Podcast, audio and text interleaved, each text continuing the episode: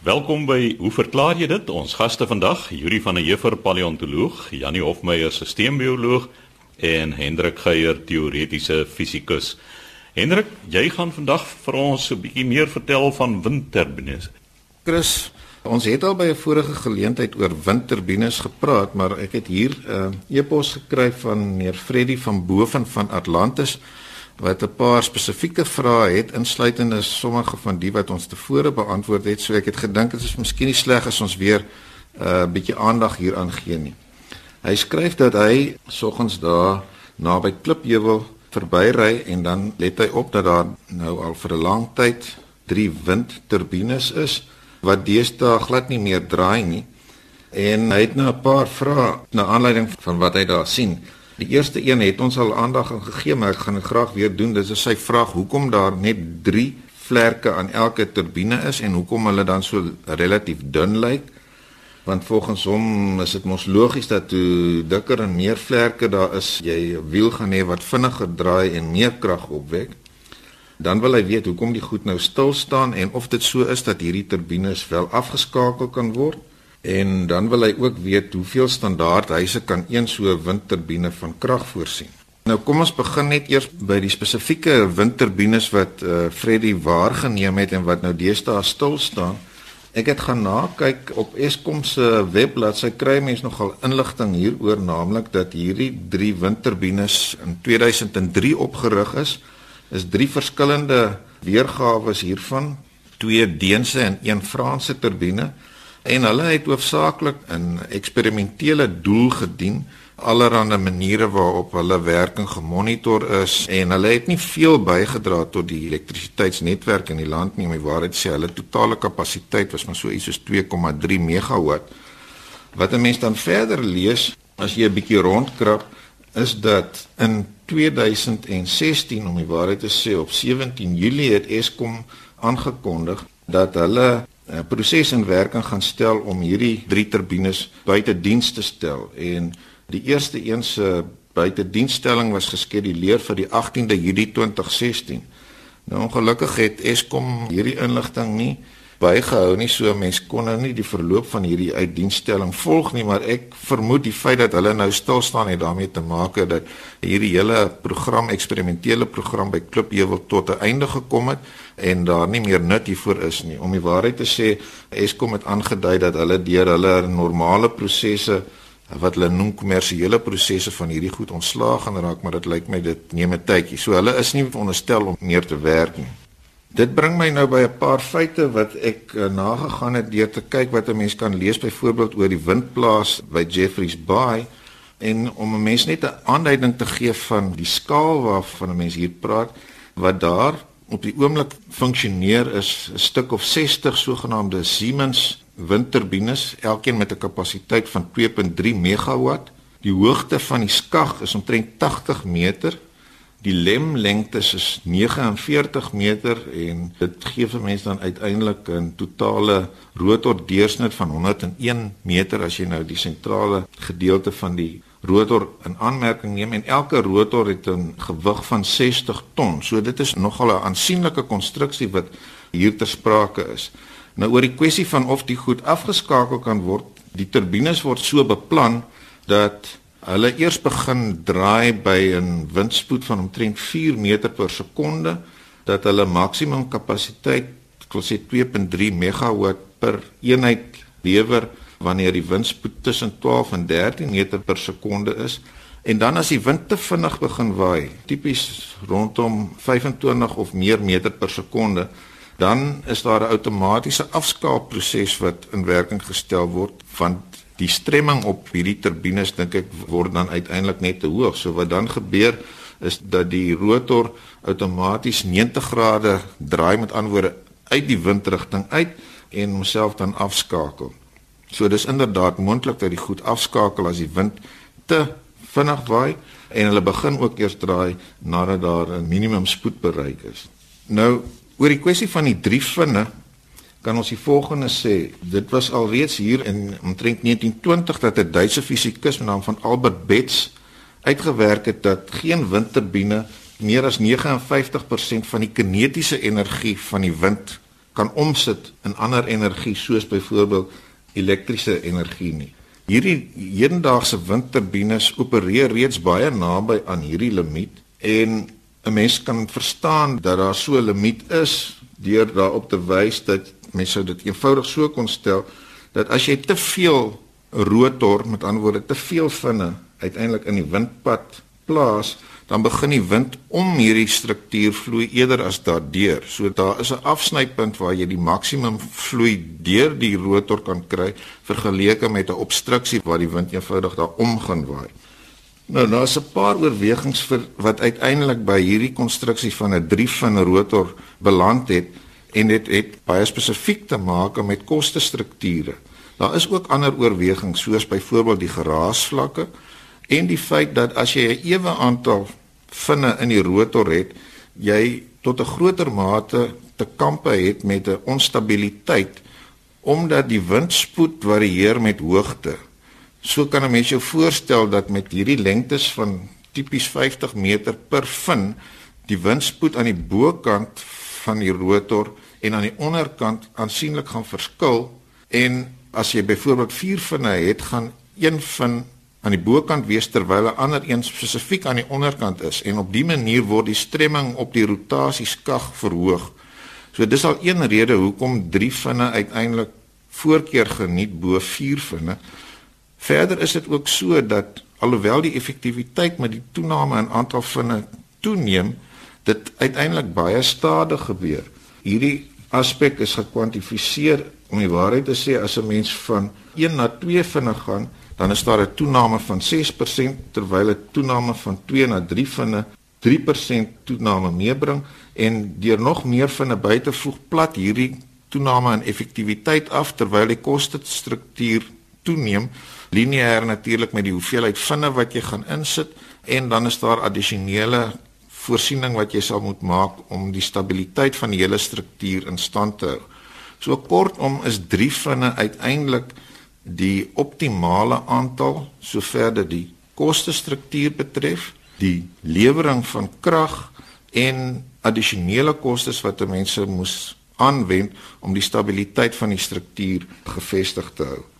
So Freddie, ek hoop dit help jou om te verstaan dat so 'n windturbine uiteindelik nie net 'n replika van die ou Karoo windpomp kan wees nie. Daardie goed is primêr gekonstrueer om 'n maksimum wringkrag mee te bring sodat jy beide die stange en die water van daar diep onder af kan uitpomp maar al die oorwegings wat ek nou genoem het bring dan uiteindelik mee dat as jy windenergie wil omsit in elektrisiteit hierdie struktuur nou eintlik al naby die optimum funksioneer en dan nie veel meer by wyse van beplanning of konstruksie van die turbine self gedoen kan word om dit nog meer effektief te maak nie. So sê Hendrik Geier, teoretiese fisikus. Jannie, jy moet nou vir ons verduidelik hoe maak 'n mens jouself van binne warm? Nou ek het gedog wat die mense noem 'n binnejassie is maar al wat jy nodig het of 'n bietjie polisie koffie. Chris, ek dink die storie is 'n klein bietjie meer ingewikkeld as dit. Dit is 'n interessante storie en ek dink dit is tydig want ons is nou hierso in 'n baie koue winter hier in die Wes-Kaap. Ons het nie veel water nie, maar ons het lekker baie koue. So Die hele idee van die regulering van liggaamstemperatuur is natuurlik 'n is 'n baie interessante storie en die vraag wat ons kry is nou hierso van 'n man met die naam van Niels Wessels wat allerlei eksperimente gedoen het deur verskillende dele van sy anatomie uit die doewy buite kan die doewy te sit en te kyk wat maak dit aan sy liggaamstemperatuur. Maar hy het 'n hele paar interessante vrae waarvan ek nou ongelukkig nie almal vandag kan hanteer nie, maar ek gaan tog die een stel van vrae hanteer waar hy vra waar kom die warmte vandaan? Hy praat van die warmte in jou liggaam. Hy sê die slagare versprei suurstofryke bloed in die liggaam en die are bring dan die koolstofgasryke bloed terug na die hart. Dit beteken dat daar 'n verbrandingsreaksie moet plaasvind in die weefsel en dis natuurlik heeltemal korrek. Hy wil weet waar vind hierdie reaksies plaas en hoeveel hitte genereer dit? Watter persentasie dit van die mens se daaglikse energieinname uitmaak? Dit kan ek nie vir hom op die oomblik sê nie, maar miskien het Henk 'n idee daaroor later. Hy vra die is die primêre doel van die reaksies om hitte te genereer en is daar ander organe wat ook bydra tot die verwarming van die liggaam. Nou ons is natuurlik endoterme. So dit beteken ons is organismes wat hitte produseer deur metabooliese prosesse. Ons word in die volksmond warmbloedig genoem. So ons as endoterme handhaaf 'n konstante liggaamstemperatuur. En so ons interne liggaamstemperatuur is dan onafhanklik van die temperatuur in die omgewing.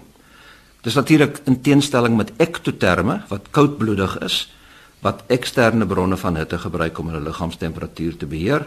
'n Interne metabolisme van ektoterme soos byvoorbeeld akedisse en reptiele, die interne metaboliese bronne van hitte, die is van baie min belang in die hitteregulering van of temperatuurregulering van die organismes. Ons moet net seker maak dat nie terminologiese verwarring is nie want ons praat in die termodinamika van eksotermiese en endotermiese reaksies en voel dit asof aan die ander kant toe om is eksotermiese reaksie produseer hitte en 'n endotermiese reaksie die neem hitte op en dit is natuurlik ook pertinent omdat ons praat van oksidatiewe reaksies wat hierdie hitte produseer binne in die in die liggaam wat in, met ander woorde dan eksotermiese reaksies is.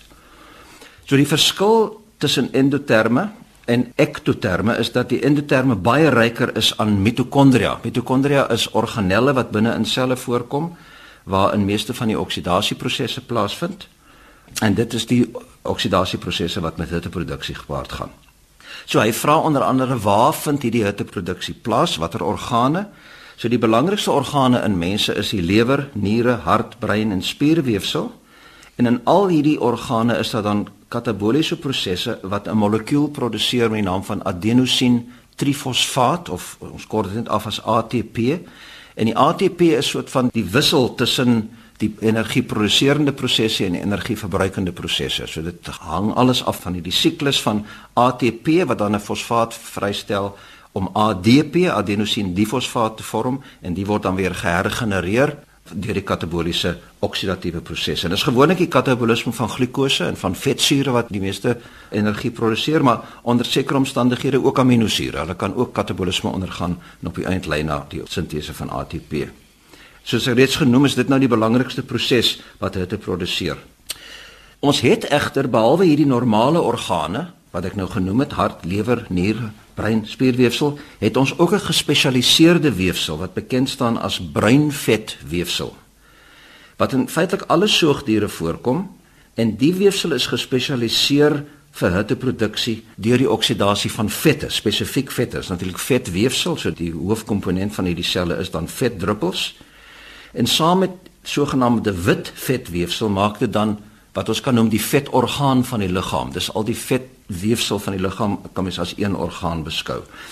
Nou die breinvetweefsel is veral in pasgebore babas is dit van belang. 5% van 'n baba se liggaamsmassa is eintlik breinvetweefsel en een van die belangrikste gevare vir babas is natuurlik hipotermie, dat jy nie die temperatuur kan beheer nie en daarvoor is die breinvetweefsel spesiaal aangepas. Kom ook voor in winterslapers wat hiberneer ook 'n hoë persentasie van breinvetweefsel, maar dit kom nie net in pasgebore babas en winterslapers voor. Dit kom almal van ons het breinvetweefsel as ons metabolies aktiewe volwassenes is. Ongelukkig verminder dit met die ouderdom en dit is een van die redes waaroor ou mense meer sukkel om hulle liggaamstemperatuur te beheer. Soos wat ek elke aand ervaar as ek twee koue voete tussen my bene inkry. So, die primêre funksie van breinvetweefsel is dan hitteproduksie. En hulle is ook dan baie ryker aan mitokondria as die witvetweefsel en hulle bevat ook baie meer kapillêre bloedvate as die witvetweefsel. Wat natuurlik belangrik is want die hitte moet wat geproduseer word deur die breinvetweefsel moet nou deur die res van die liggaam vervoer word en die kapillêre bloedvate is die eerste verspreidingspunt van die hitte. So die belangrikste funksie van breinvetweefsel is dus om hitte deur sogenaamde nie bewende termogenese. Dis nou maar eie woord vir non-shivering thermogenesis. Ek weet nie of dit nou korrek is om te sê nie bewend. En die vraag is natuurlik nou hoe vind dit plaas? Hoe is dit moontlik dat hierdie weefsel spesifiek meer hitte produseer as ander weefsel wat ook mitokondria bevat en in oksidatiewe prosesse kan kataliseer? So, kom ons sê weer, mitokondria is in ons selle die produseer ATP tydens 'n proses en as ek dit nou baie simplisties kan stel, 'n proses waar voedselmolekuule geoksideer word en suurstof gereduseer word tot water. Dit is die oorhoofse proses wat plaasvind. So buitekant die mitokondria en die wat ons noem die sitosol, die oplosbare gedeelte van die sel, daar word voedselmolekuule soos glikose, vetsure, aminosure afgebreek na kleiner molekuule en die word dan deur die mitokondria opgeneem en in die sogenaamde sitroensuursiklus in die elektrontransportketting word dit geprosesseer. Dis die twee belangrikste prosesse wat in mitokondria plaasvind. Nou, die belangrike punt hier is dat gedurende hierdie proses, veral by die elektrontransportketting, word waterstofione of protone, selfde ding, oor die binneste membraan van die mitokondria gepomp sodat daar 'n gradiënt van hierdie waterstofione ontstaan. En as so 'n gradiënt bevat dan natuurlik nou energie. Jy stoor energie in so 'n gradiënt want die dryfkrag is dan vir die protone om weer terug te vloei oor die membraan. Nou die energie wat in hierdie gradiënt gestoor word, dit word dan uiteindelik gebruik om ATP te maak. En dit gebeur deurdat die waterstofione teen die gradiënt afvloei deur 'n ensiem wat in die mitokondriale binnemembraan voorkom. So daar's 'n kanaal binne in hierdie ensiem en soos wat die protone deurvloei, dryf dit 'n reaksie binne in die mitokondria aan wat dan ATP maak uit ADP, die voorloper, adenosien difosfaat en dan word 'n fosfaat aangekoppel om ATP te vorm. En die ATP, dit kan dan uit die mitokondrion uit getransporteer word, vervoer word en dan gebruik word binne in die sel vir dinge so spierkontraksie of of ander metabooliese prosesse, sinteseprosesse. Nou in breinvetweefsel is die twee prosesse, die oksidasieproses en die fosforileringsproses ontkoppel deurdat daar 'n alternatiewe roete bestaan waardeur die waterstofione terug kan vloei na die binnekant van die mitokondria sonder om ATP te maak. So daar's nou 'n ander kanaal, ook 'n proteïen wat in die binnemembraan van die mitokondria voorkom, waardeur mens kan sê die waterstofione lek terug in die mitokondria in deur hierdie kanaal. So nou word die energie nie gebruik vir die sintese van ATP nie, maar dit word spesifiek die terugvloei deur hierdie sogenaamde ontkoppelingsproteïen of termogenien die produseer hitte. So pleks af wanneer die energie gestoor word en die waterstofgradiënt gebruik word om ATP te maak, word dit as hitte vrygestel. En die hitte word nou deur die kapillêre vate verder deur die bloedvatstelsel deur die liggaam versprei. So om hierdie stelvrae van Niels te beantwoord, eerstens alle organe wat mitokondria bevat, die produseer hitte deur oksidasieprosesse, maar ons het hierdie gespesialiseerde weefsel bekend as breinvetweefsel wat net daar is om om hitte te produseer. Ja, Janie, oor die kwessie van hoeveel hitte gegenereer word in 'n mens se liggaam, ek het nie daai syfers byderhand nie, maar wat tog verrassend was toe ek dit vir die eerste keer bereken het terwyl ek besig was om 'n kursus oor termodinamika te gee, is om vas te stel dat die hoeveelheid hitte per massa eenheid wat deur 'n mens se liggaam gegenereer word, is meer as die hoeveelheid warmte energie per massa eenheid wat deur die son in sy werking vrygestel word. Dit klink amper nie moontlik te wees nie, maar die sleutel tot die verstaan hiervan is natuurlik dat 'n mens die hele tyd brandstof inneem deur kos te eet en daardie verbrandingssiklus op hierdie manier in stand hou en aanhelp anders as wat die son kan doen wat net wat daar is aan die verbrand is. Hoe ook al op daardie manier is 'n mens se liggaam op 'n manier meer effektief as die son. Dankie, dit is baie interessant. Ons is natuurlik bekend as 'n oop termodinamiese stelsel waar daar heeltyd vloei van energie deur die stelsel is. En soos het gesê, dis omdat ons kos eet. As dit nie so was nie, dan uh, was ons dood. Dis interessant wat jy gesê het Jannie van uh, ektoterme soos akedisse en slange en hulle beheer hulle liggaamstemperatuur deur gedrag, deur of in die son of in die skadu weet hulle en is interessant.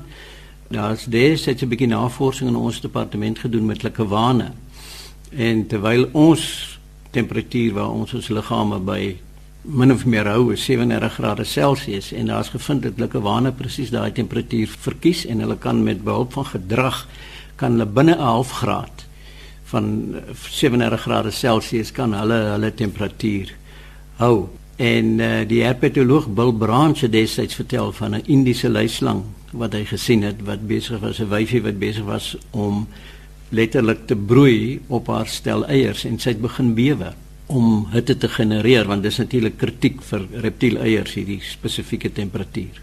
Ja, dit was dan Jannie Hofmeyer wat vir ons verduidelik het hoe maak 'n mens jouself van binne warm? Die laaste aan die beurt, Yuri van 'n Juffer paleontoloog en jy gesels oor evolusie, genetika en die Ou Testament.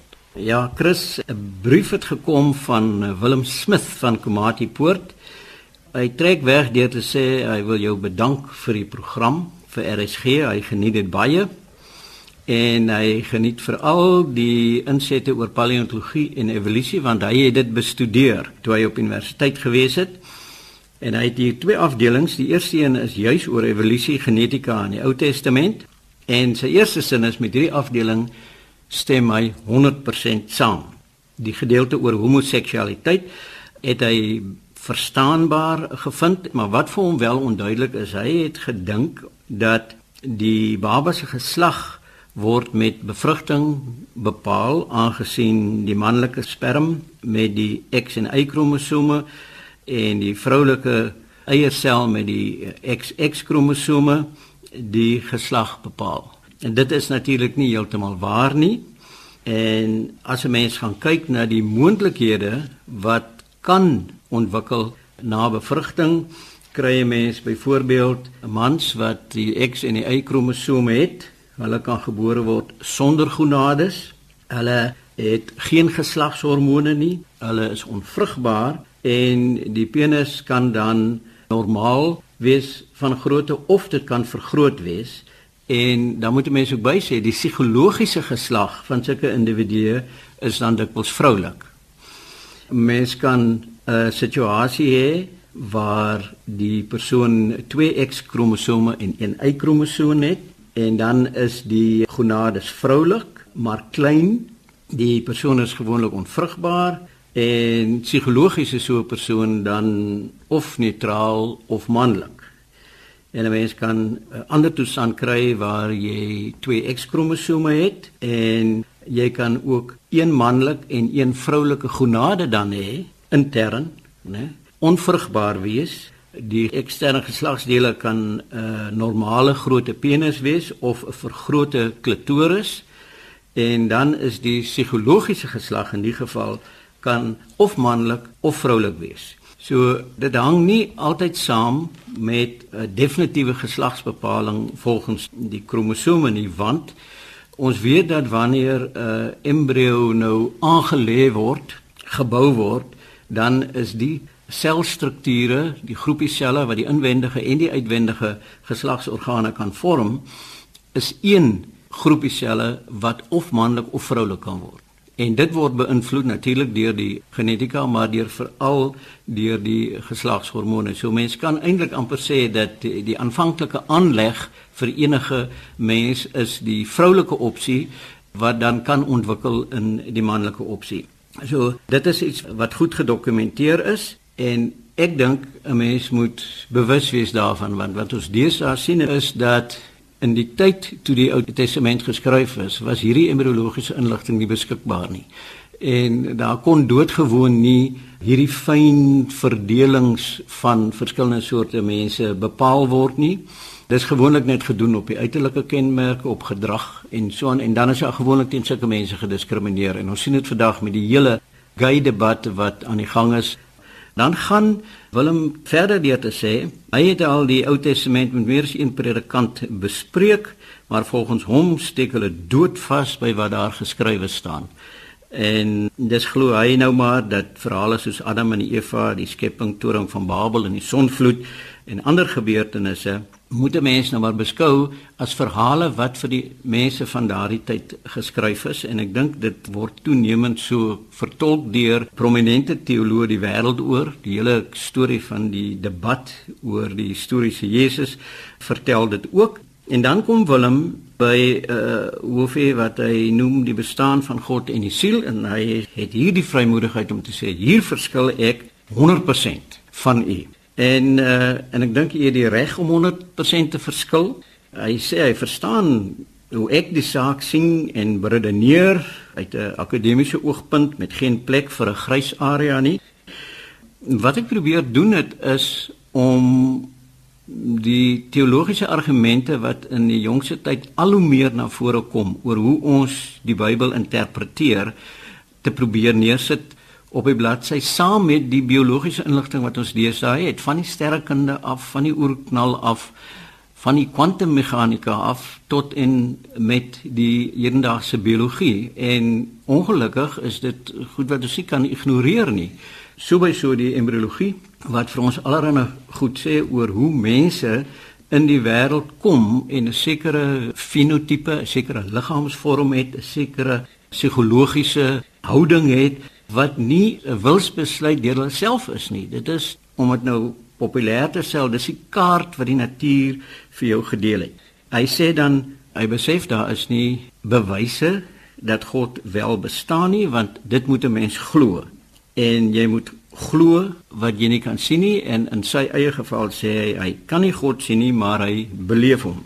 So hy dink die beplanning van die heelal, alles wat daarmee gepaard gaan, van die oerknal af tot vandag kon nie net toevallig gebeur het nie, dit is beheer en georkestreer deur 'n opperwese want dit is al wat die mag gehad het om so iets te kan beplan en uitgevoer word en hy glo nie vir een oomblik dat die heelal sonder 'n God kan bestaan nie. Nou Willem, jy's nie alleen in jou oortuiging nie en uh, daar is al heelwat daaroor geskrywe. Ek dink byvoorbeeld aan 'n persoon wat ons al drie ken, vir Michael Roos, die filosoof wat baie geskryf het juis oor hierdie onderwerp. Hy self is nie 'n gelowige nie, maar hy het 'n uh, ehm, baie interessante boek geskryf met die titel kan 'n Darwiniaan of iemand wat in evolusie glo 'n Christen wees. En hy het 'n lang beredenering daarvan en eintlik is sy opinie ja.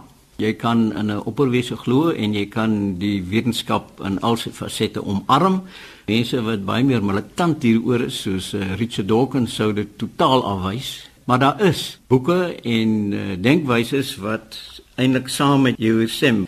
Jy skryf dat wat jy ervaar het in die lewe kan jy net toeskryf aan die teenwoordigheid van 'n opperwese, die ingryping van 'n hoër hand is jou woorde en die krisisse en storms wat jy beleef het in jou besigheid en jou boerdery skryf jy hier aan toe en jy glo nie dat jy ooit die traumas in jou lewe sou kon oorkom as jy nie hierdie geloof gehad het nie. En baie dankie vir jou bydrae. So sê Yuri van die Heever, paleontoloog, skryf gerus aan ons by hoe verklaar jy dit? Posbus 2551 Kaapstad 8000 of stuur 'n e-pos aan chris@rsg.co.za.